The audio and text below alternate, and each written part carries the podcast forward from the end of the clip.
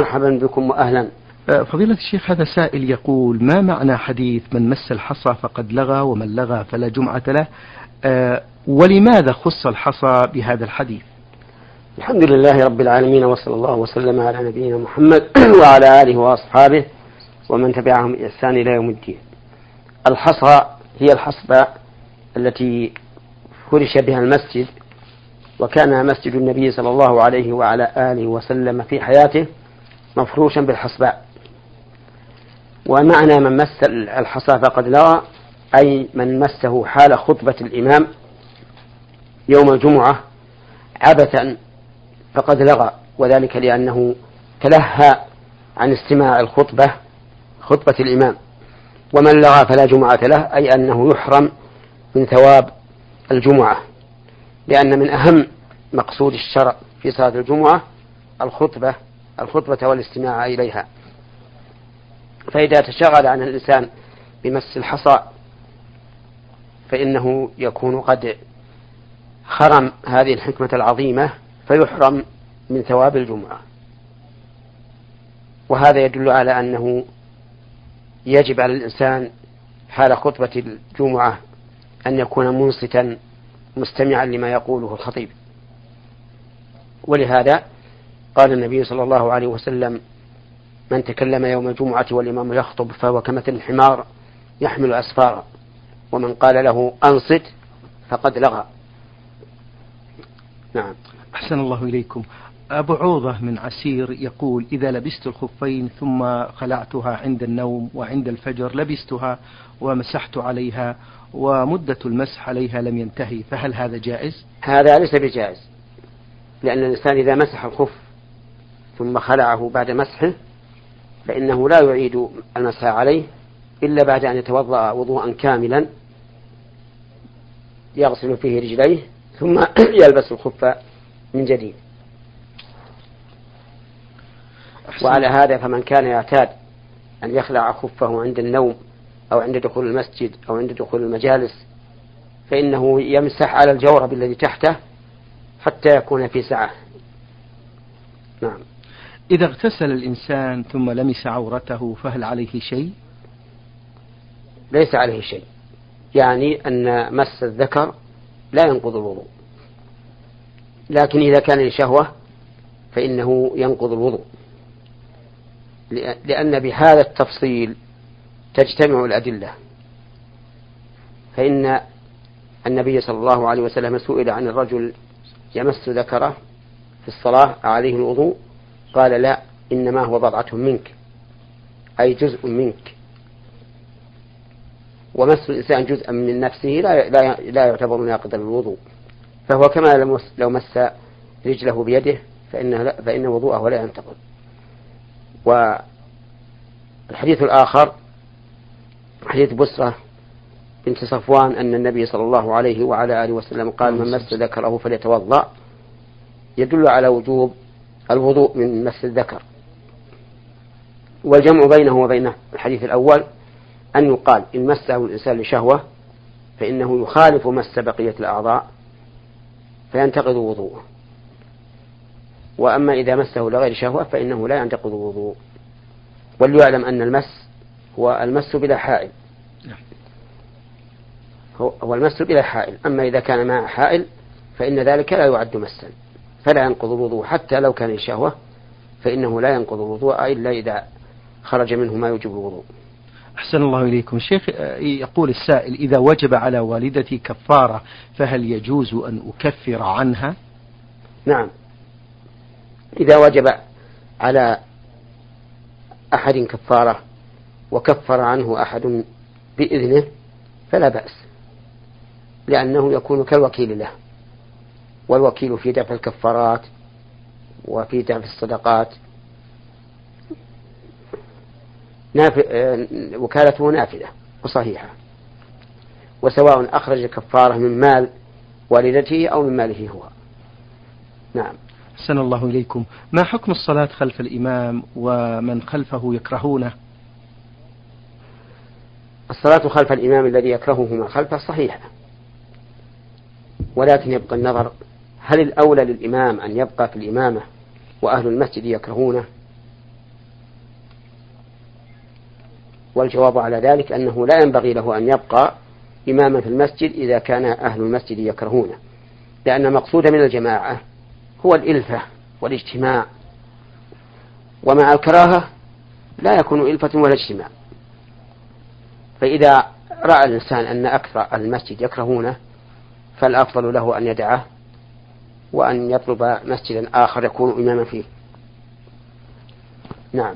أحسن الله إليكم. يقول السائل أحرمت بالعمرة وكنت قد تركت الإحرام من الميقات ولبست سروال قصير فما حكم ذلك وماذا يجب علي؟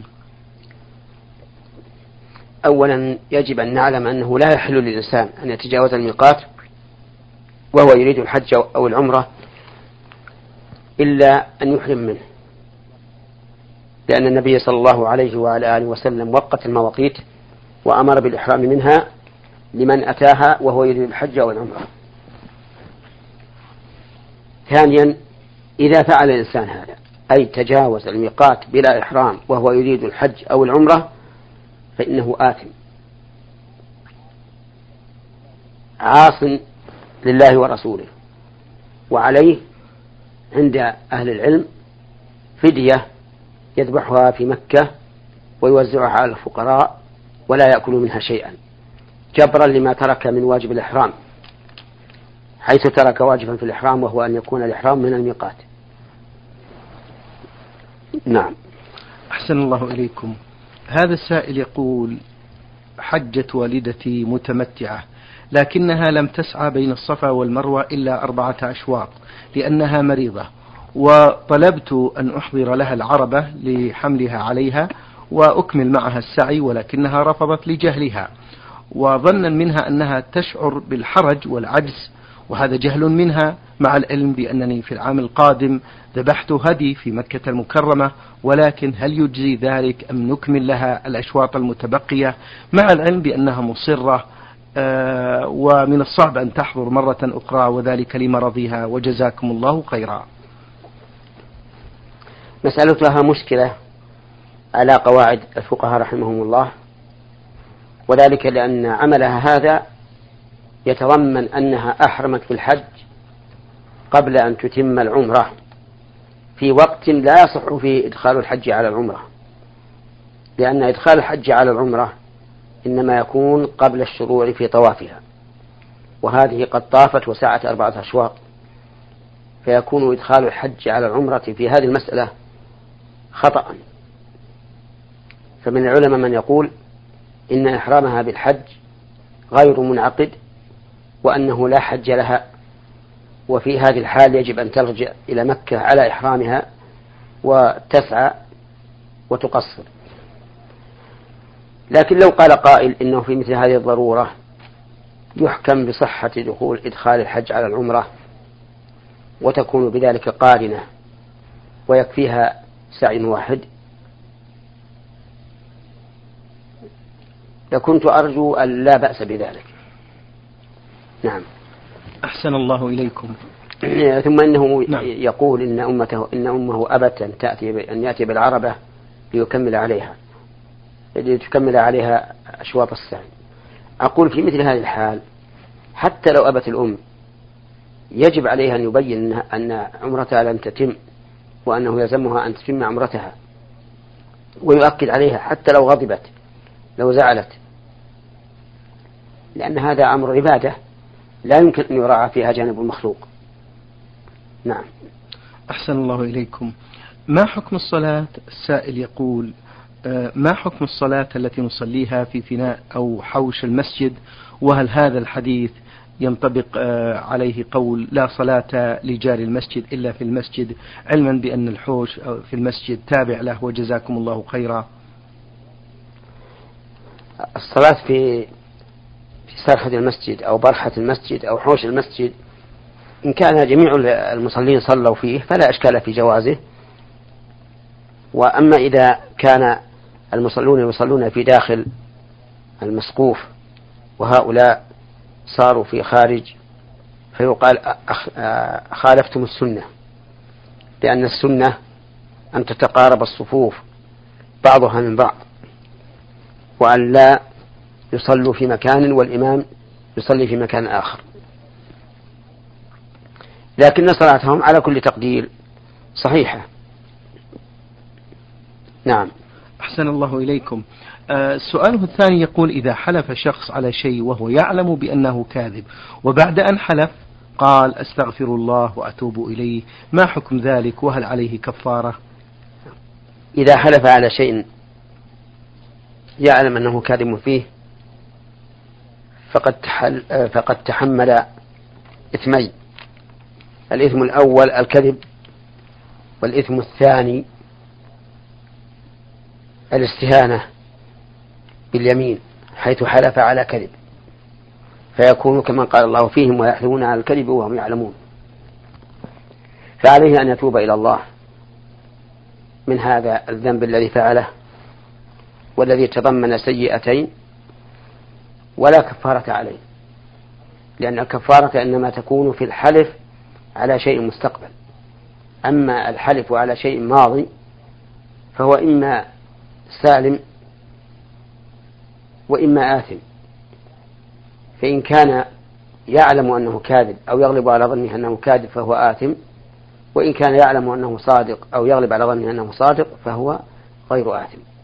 أما الكفارة فلا تجب في الحلف على أمر ماضي ولو كان كاذبا فيه. نعم. أحسن الله إليكم.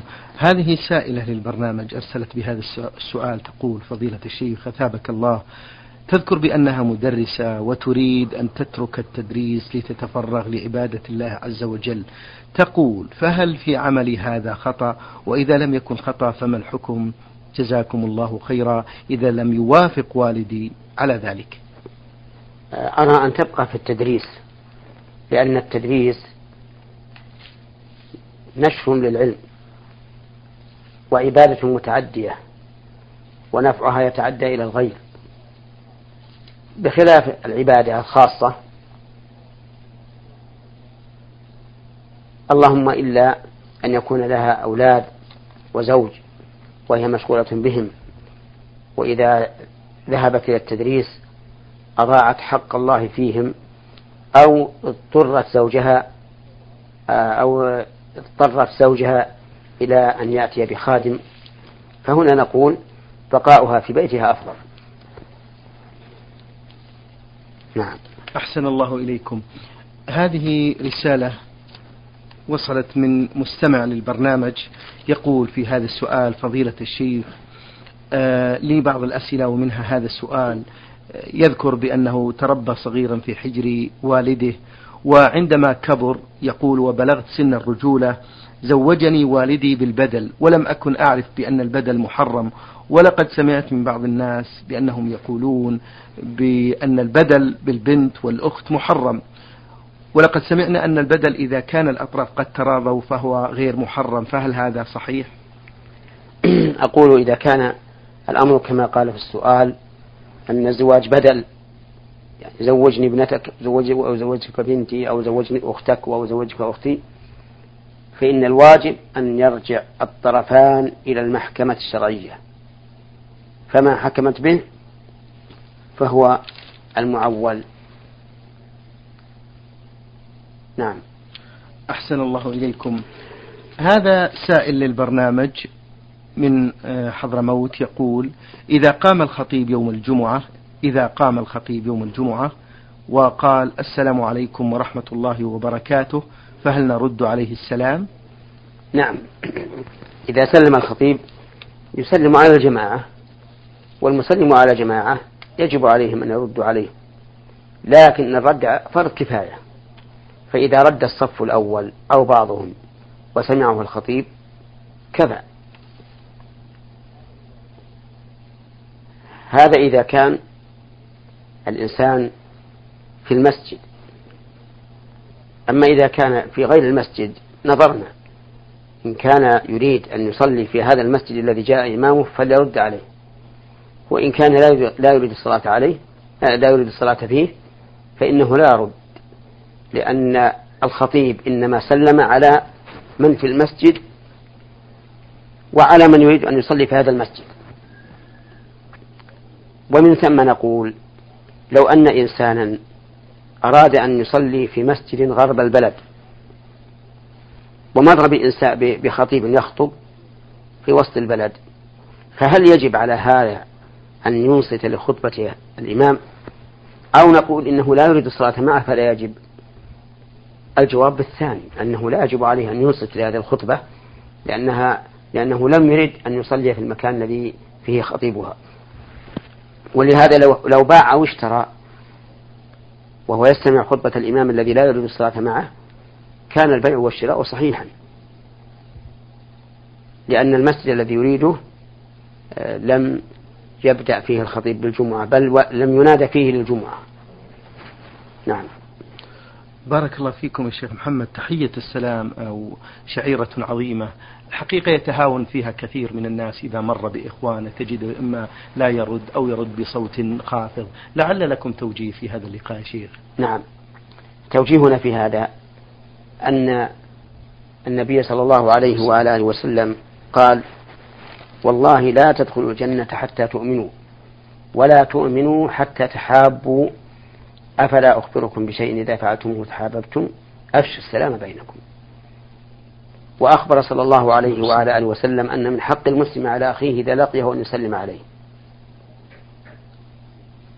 فالسلام سنة مؤكدة من سنن الدين الإسلامي ولذلك لا ينبغي للمسلمين أن يدعوا هذه السنة وهذه الشعيرة العظيمة التي هي من أجل خصائص الإسلام. ثم إن المسلم إذا سلم أدى حق أخيه وأتى بما يوجب المحبة الذي بها كمال الإيمان وبالإيمان الكامل يحصل دخول الجنة. ثم إنه يؤجر على السلام. الحمد لله إذا قال السلام عليك فله عشر حسنات. وإذا قال ورحمة الله عشرون. وإذا قال وبركاته ثلاثون. فكيف يحرم نفسه هذا الأجر العظيم؟ مع أنه لو قيل له إذا سلمت أعطيناك درهما واحدا. لرأيته يسلم على كل من لقيه. بل ربما يتردد من أجل أن يحصل على زيادة دراهم. فكيف بالحسنات التي يكون يكون الإنسان إليها يكون الإنسان محتاجا إليها؟ أحوج ما يكون في يوم لا ينفع فيه مال ولا بنون إلا من أتى الله بقلب سليم. وإذا سلم الإنسان فليكن السلام بالطريقة الشرعية. يعني بمعنى أن يقول السلام عليكم. لا أن يقول مرحبا أهلا. حياكم الله صبحكم الله بالخير. بل يقول السلام عليكم. ثم يزيد ما شاء الله من ألفاظ التحية. والراد عليه يجب أن يقول عليكم السلام. ولا يكفي أن يقول أهلا ومرحبا أو حياكم الله أو ما أشبه ذلك. وإذا قال حياكم الله كيف أصبحتم؟ كيف أنتم؟ لو قالها ألف مرة لا يجزي. بل عليه أن يقول عليكم السلام أو وعليكم السلام.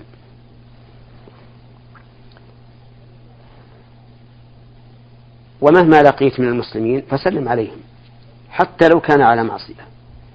لو فرض أنك لاقيت شخصا حالقا لحيته وحلق اللحية حرام أو مسبلا ثوبه وإسبال الثوب حرام فسلم عليه لأنه مؤمن لم يخرج من الإيمان.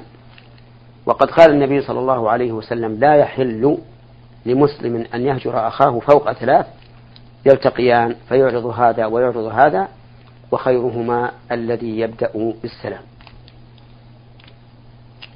ثم إن الهجر لهؤلاء هل يخفف من المعصية؟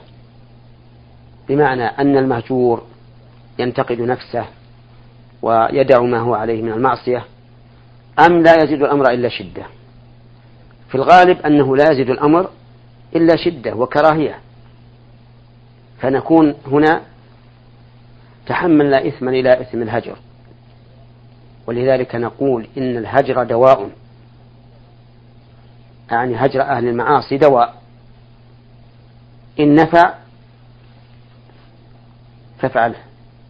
وإن لم ينفع فلا تفعله ولعل قائلا يقول إن كعب بن مالك رضي الله عنه وصاحبيه رضي الله عنهما أمر النبي صلى الله عليه وسلم بهجرهما وعدم كلامهما لأنهما تخلفا بلا عذر لأنهم لأنهم تخلفوا بلا عذر عن غزوة تبوك فيقال هذا الهجر حصل به خير كثير ونفع عظيم.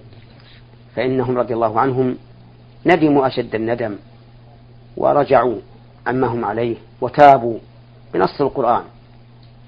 فإذا حصل أن الهجر ينفع ويوجب أن يتوب المهجور فنعم فنعم الهجر هو. وإلا فإنه لا يهجر الإنسان ولو كان مجاهرا بالمعصية. لكن يسلم عليه وينصح. ومع السلام عليه والنصيحة ربما يلين قلبه ويألف من نصحه ويأخذ بنصيحته. هذا بالنسبة للمسلم العاصي. أما الكافر فإنه لا يجوز ابتداؤه بالسلام. مهما كان. لا تبدأه بالسلام حتى لو كان رئيسا للجهة التي أنت تعمل فيها. فلا تسلم عليه ابتداء. لأن النبي صلى الله عليه وعلى آله وسلم قال لا تبدأ اليهود والنصارى بالسلام وإذا لقيتموهم في طريق فاضطروهم إلى أضيقه. لكن قد يبتلى الإنسان بكافر نصراني أو غير نصراني يكون رئيسا على الجهة التي هو فيها. فماذا يصنع إذا دخل عليه وهو يريد منه حاجة؟ إن دخل ولم يتكلم إلا بحاجته عرف ذاك أنه يكيد له. وإن سلم وقع فيما نهى عنه الرسول عليه الصلاة والسلام. فنقول إذا اضطر إلى أن يتحدث معه بالتحية فليقل صباح الخير يا فلان أو مرحبا أو ما أشبه ذلك من الكلمات التي ليست دعاء له بالسلامة. أو يقول السلام ويحذف البقية. وينوي بقوله السلام يعني علينا وعلى عباد الله الصالحين. حتى لا يقع فيما نهى عنه الرسول صلى الله عليه وعلى آله وسلم. نعم. أحسن الله إليكم شيخ محمد. قد يظن بعض الجهال يا فضيلة الشيخ أنه لا يسلم على أحد حتى يتحقق من دينه يا شيخ. هذا نقول إذا كان البلد أكثر من فيها غير مسلمين. نعم فهنا لا يسلم. اعتبارا بالأكثر. حتى يعرف أنه من المسلمين. وأما إذا كان الأمر بالعكس أكثر من في البلد مسلمون فإنه يسلم. طيب. لأنه لم يتعمد مخالفة النبي صلى الله عليه وعلى آله وسلم. وإذا تساوى الأمران تجاذب هنا حق المسلم وعدم حق الكافر. فيكون في هذه الحال مخيرا إن شاء سلم وإن شاء لم يسلم. ولهذا كان في عهد الصحابة والخلفاء الراشدين كان الكافر يتميز عن المسلم باللباس وبركوب الدابة. يجبرون على هذا يعني أهل الذمة. لا بد أن يتميزوا عن المسلمين. لكن الآن كما ترى اختلط الحابل بالنابل وصار الناس سواء. فالأمر على ما قلنا. إن كنت في بلد أكثر أهله مسلمون فسلم. أكثر أهل غير مسلمين لا تسلم. يتساوى الأمران فأنت بالخيار. طيب. أحسن الله إليكم شيخ. سائل يقول نون سين القحطاني هل من سأل الله عز وجل بقوله اللهم إني أسألك بحق نبيك الذي أرسلت وبحق كتابك الذي أنزلت هل هذا الدعاء صحيح؟ هذا الدعاء غير صحيح.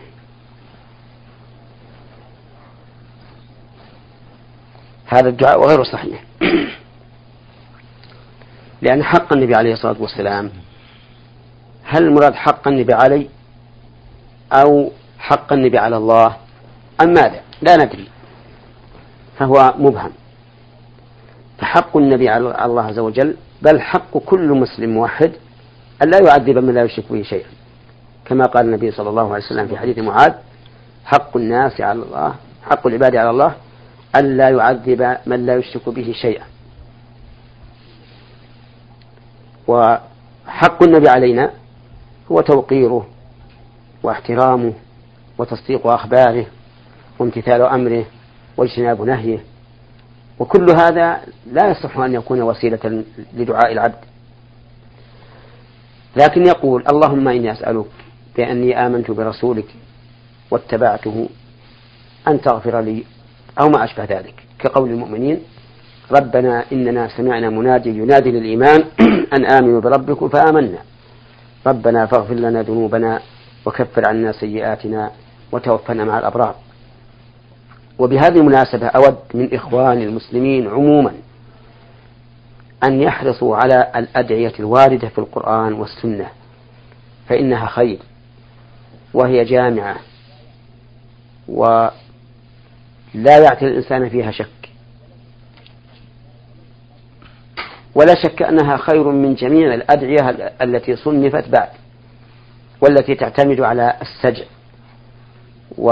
وما يثير النفس من البكاء وغيره. ويكون بها الإعراض عن الأدعية المشروعة التي جاءت في الكتاب والسنة. أحسن الله إليكم الشيخ محمد. آه، سائل يقول بعض الناس يقولون بأن الواجب موجود فقط في القرآن وأن ما قاله الرسول سنة فقط ليست إلزامي إلزامية فماذا نرد على مثل هؤلاء يا شيخ؟ يعني يقولون إن الأوامر التي في القرآن على الوجوب نعم. والتي في السنة على الاستحباب. نعم شيخ.